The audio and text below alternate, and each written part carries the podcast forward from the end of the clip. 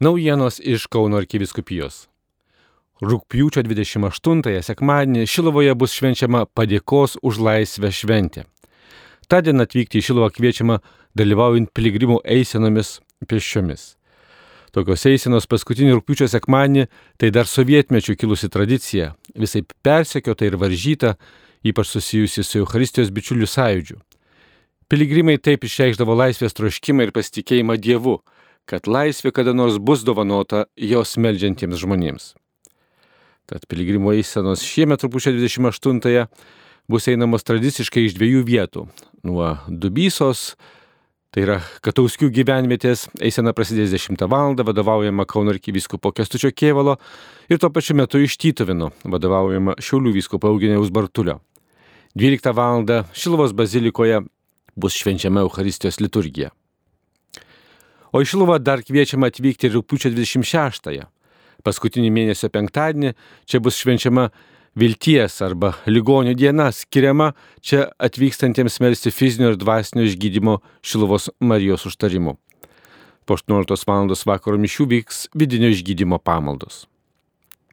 Kauno arkiviskupijos interneto svetainėje skelbiama išsami jau artėjančių šilinių programa. Mergelės Marijos gimimo didžiosius atlaidus švesime kaip įprasta rugsėjo 7-15 dienomis.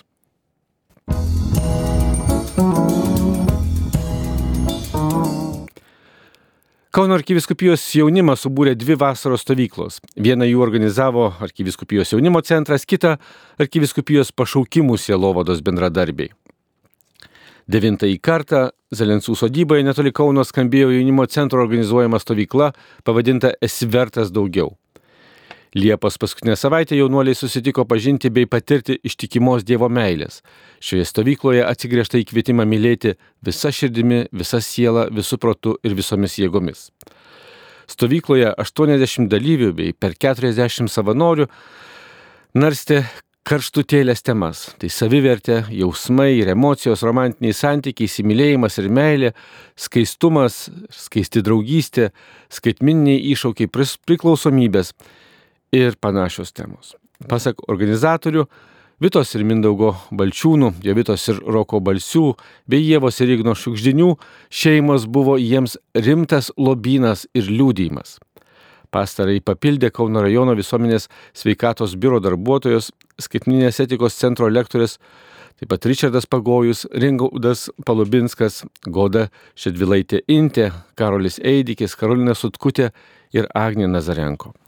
Šią progą jaunimo centro bendradarbiai dėkoja visiems mokiniams ir mokytėms kartu stovyklavusiems ar patarnauti atvykusiems kunigams, kunigų seminarijos auklėtiniams iš Kauno, taip pat broliams vienuoliams ir vienuolėms. Čia patarnavo ir bendruomenės gailestingumo versmė bei gyvėjai akmenys žmonės, taip pat ir maldos bei šlovinimo grupė Naujas kraujas, Jeronimo ir Reglės Serebrinskų šeima, o stovyklą surenkti padėjo visas burys rėmėjų. Ką tik pasibaigė ir visą savaitę per žolinę vykusi keliaujanti pašaukimų stovykla pavadinta Nematomos dovanos ir sutelkusi apie 30 dalyvių. Tai buvo nuotikių ir nematomų dovanų kupina kelionė iš Kauno į Pivašiūnus.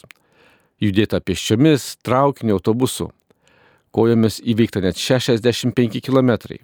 Iš Kauno keliautai Kazlurūdą, Lūginę, Marijampolę, Alyto ir galiausiai pasiekta kelionės kulminacija Pivašiūnai, kuriuose dalyviai iškilmingai sutiko žolinę ir buvo apkabinti rūpestingame Dievo motinos glėbyje. Stovyklos dalyviai tai ieškantis ir brestantis savo gyvenimo kelio paieškai jaunimas. Kauno arkiviskupijos pašaukimų silovados komanda pasirūpino, kad stovyklos programoje savo gyvenimo pašaukimu ir iššūkiais pasidalintų nuoširdus liudytojai. Marijonų ordino vienuolis, brolis Jonas Urbas, dainininkė Rugilė Daujotaitė, šventosios šeimos seserų kongregacijos vienuolė sesuo Benedikta bei Sandros ir Davido Ciūnų šeima. Keliaujančią stovyklą lydėjo atsakingiai už pašaukimų selovadą, tai kunigas Liutauras Vileniškis ir sesuo Loreta Armalytė, nepakartojami šlovintojai savo balsais priartinę prie dangaus, tai Kristina Dapkutė, Mindaugas Gedraitis ir Julius Armalis, bei draugiška pašaukimų selovados komanda. Kauno arkiviskupijos interneto svetainėje galima susipažinti išsameu, taip pat paskaityti dalyvių šiltų atsiliepimų apie patirtas dovanas šiuose stovyklose. Šios ir kitos naujienos išsameu Kauno arkiviskupijos interneto svetainėje bei socialinio tinklo Facebook paskyroje. Marijos radijų iš Kauno Darius Kmeliauskas.